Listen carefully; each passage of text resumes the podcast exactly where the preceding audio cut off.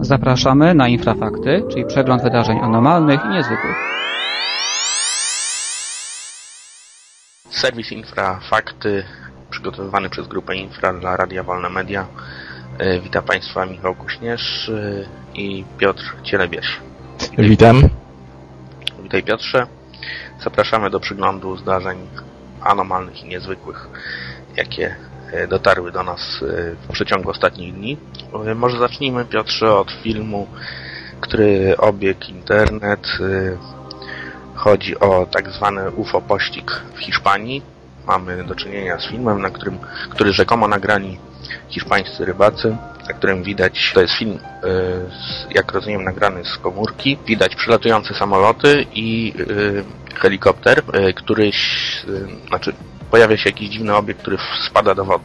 Później się okazało, że to jest cały cykl filmów. Widać helikopter, który coś transportuje, jakiś obiekt nieznanego pochodzenia. To było firmowane właśnie jako jeden z dowodów na istnienie UFO.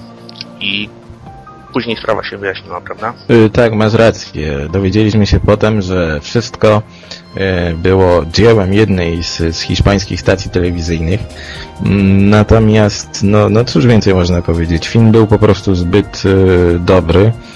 Po wielu latach oglądania takich filmów mogę nawet powiedzieć, że człowiek jest w stanie na przysłowiowe oko odróżnić film, który może być, prawda, niesfałszowany od takiego, który jest po prostu za dobry, by był prawdziwy. I tu mieliśmy z czymś takim do czynienia. Ja myślę, że przywodzi nam to na myśl inne tego typu przypadki, na przykład słynne nagranie UFO z Haiti, które pokazywały nawet stacje telewizyjne, nawet kiedyś na TVN-ie prezentowano to jako dowód, prawda, jeden z dowodów na istnienie UFO, natomiast jest to żenujące po prostu, że, że, że nadal w, w, w okresie, w, w czasach, kiedy zdjęcie UFO nikogo już nie dziwi, kiedy no, nie da się na tym zarobić.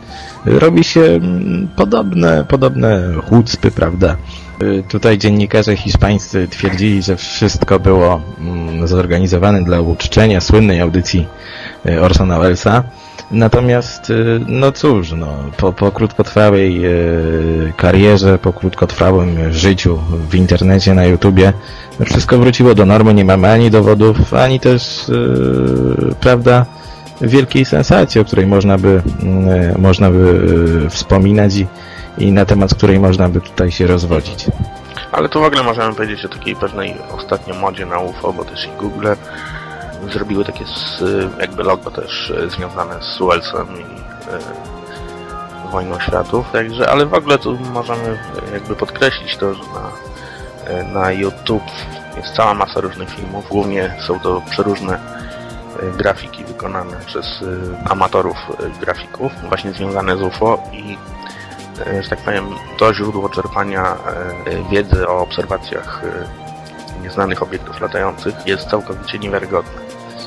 Oczywiście, ja tu jeszcze wspomnę o czymś takim, że czasem nawet w internecie możemy natrafić na kilka różnych y, wersji jednego filmu. Ja sam widziałem dwa takie filmy, o których twierdzono, że zostały wykonane no, prawie we, we wszystkich możliwych miejscach na świecie, od Chin po Polskę, Nowy Jork, prawda, i tak dalej. Mhm. Y, dlatego, jak mówiłem, no, po, po, krótkim, po krótkiej analizie wzrokowej często jesteśmy w stanie potwierdzić, czy coś, coś jest rzeczywiście mhm. e, prawdziwe, czy, czy tam jest e, zabawą jakiegoś mniej lub bardziej utalentowanego grafika.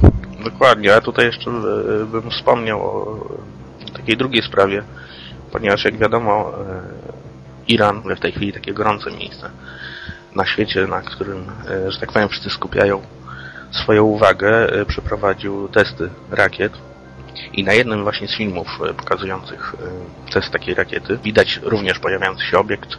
To oczywiście zostało szybko podchwycone przez tabloidy, głównie Wielkiej Brytanii. I tu w zasadzie też możemy, znaczy może nie mówić tyle o jakiejś manipulacji i, że tak powiem, pracy gra, jakiegoś grafika, tylko moim zdaniem bardziej o, nie wiem, jakimś e, takim efekcie wzrokowym, po prostu tam w, chmurze nagle coś się poja pojawia. To zresztą możecie znaleźć na naszym forum. Oczywiście, ja tutaj tylko wspomnę może jeszcze o dwóch rzeczach. Jeżeli mm, śledzimy ufologiczne newsy ze świata, to przynajmniej raz na jakiś czas mamy mowę o, pada, padają słowa o UFO w Iranie. No, no najprawdopodobniej są to obiekty albo ich, mm, po prostu jakieś tam testy i tak dalej, wojskowe, albo po prostu samoloty szpiegowskie, e, które tam zaobserwowano. Natomiast jeżeli chodzi o ciekawsze wydarzenia w Iranie, to tutaj wszystkim zainteresowanym polecam, polecam zapoznać się z wydarzeniami, które miały miejsce kilkanaście lat temu, no może nawet trochę więcej nad Teheranem, kiedy to mm, doszło do słynnego spotkania pilotów z nieznanym obiektem. E, Dobrze, to w takim razie może przejdźmy do e, zupełnie innego tematu. Otóż w tym tygodniu e, włoscy naukowcy powiedzieli o tym, że udało im się wykonać replikę całunu turyńskiego. Wykonali to metodą, że tak powiem, zupełnie e, naturalną, znaczy posługując się materiałami, które były dostępne w średniowieczu. I rzekomo jest, e, znaczy ten całun ma takie same właściwości jak ten, który leży w katedrze, znaczy jest y, przechowywany w katedrze y, turyńskiej. Czyli o czym to może świadczyć? O tym, że y, słynny całun turyński jest y, fałszerstwem średniowiecznym. Y, No, tak jest najprawdopodobniej. Tutaj musimy jeszcze zwrócić uwagę na, na, na, na pewien bardzo znamienny fakt w kwestii y, podobnych, y, no możemy go nazwać relikwii. Mianowicie zawsze będzie istniał spór między naukowcami a wiernymi, bo tak naprawdę już dawno udowodniono, że y, kwestię wiarygodności całunu można podważyć, natomiast jak wspominaliśmy tydzień temu w, w kwestii słynnego cudu w Sokółce, zawsze znajdą się e, tak zwani zaufani kościelni e, naukowcy, którzy mm, będą oceniać to przez pryzmat wiary i, i tak samo jest z ojcem Pio. Nikt y, we Włoszech nie odważy się zakwestionować jego jego stygmatów, bowiem y, doskonale wszyscy sobie zdają sprawę z tego, że on jest tam popularniejszy od Matki Boskiej. Dlatego no, kwestia wiarygodności całunu podważona została już dawno.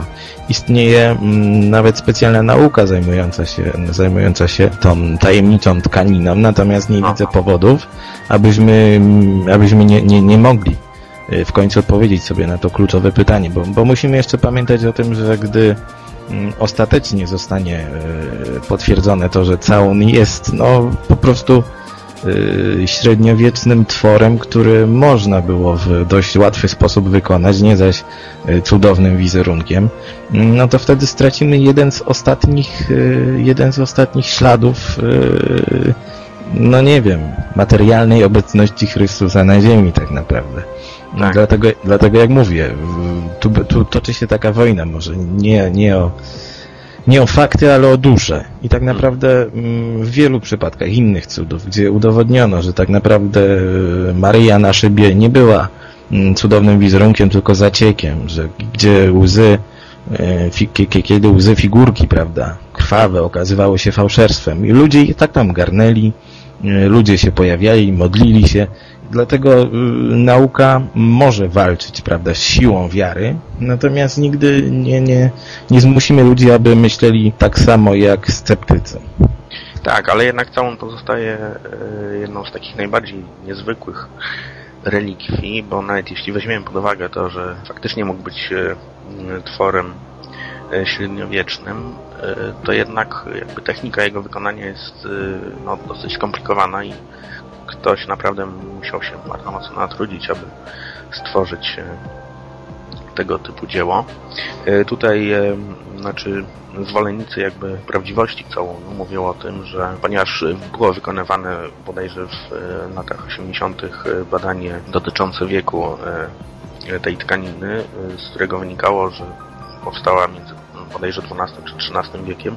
Natomiast tutaj e, zwolennicy właśnie, tak jak mówiłem, prawdziwości całunu mówią o tym, że to mogło wynikać po prostu z tego, że on był poddawany e, w tamtym okresie e, różnym zabiegom też właśnie konserwatorskim w późniejszych czasach. Ja tutaj może jeszcze dodam coś takiego. Musimy pamiętać, że ludzie średniowiecza i nie byli wcale tak, tacy zacofani, jak się nam wydaje. No właśnie. Kwestia, prawda, wiarygodności całunu, no oczywiście, że może być podważana. Tak naprawdę wiele z y, ówczesnych technik zostało zapomnianych, a musimy pamiętać, że, że to była epoka, której relikwie mm, były jednymi z najcenniejszych rzeczy. Nie, nie, nie musimy tutaj wspominać o fałszywych relikwiach, o, hand, o handlarzach relikwiami, prawda? Tak. Natomiast jeszcze przywołam jeden przykład. Y, Cudowny wizerunek Matki Boskiej z Guadalupe, który miał y, pojawić się mm, w cudowny sposób na koszuli mm, Juana Diego, Indianina mm, z, z, z dzisiejszego, prawda, Meksyku. Udowodniono nieraz, że to jest zwykły obraz, że, że, że, że wy- wykorzystane są tam całkiem ziemskie, y, prawda, środki. Nie, nie pojawił się w cudowny sposób. E, Natomiast y, obrońcy m, tego cudownego wizerunku, najpopularniejszego w Meksyku, który przyciąga corocznie tysiące, no, tysiące, miliony wiernych, mówią, że, że to nieprawda, że, że, że, że Juan Diego rzeczywiście miał cudowną koszulę, na której wypaliła się Matka Boska.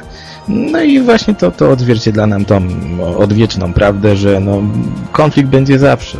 Mhm. Natomiast to jest kwestia osobista, czy, czy ktoś chce w to wierzyć, czy nie. No. Dokładnie. A pozostając przy najnowszych doniesieniach e, naukowych, e, to otrzymaliśmy bardzo interesującą informację od e, bodaj amerykańskich badaczy, którzy zajęli się mm, badaniem aktywności mózgu osób e, terminalnie chorych i e, wyniki e, wykazały coś e, całkiem zaskakującego i interesującego. E, Otóż mózg człowieka tuż przed śmiercią zmaga swoją aktywność bardzo gwałtownie.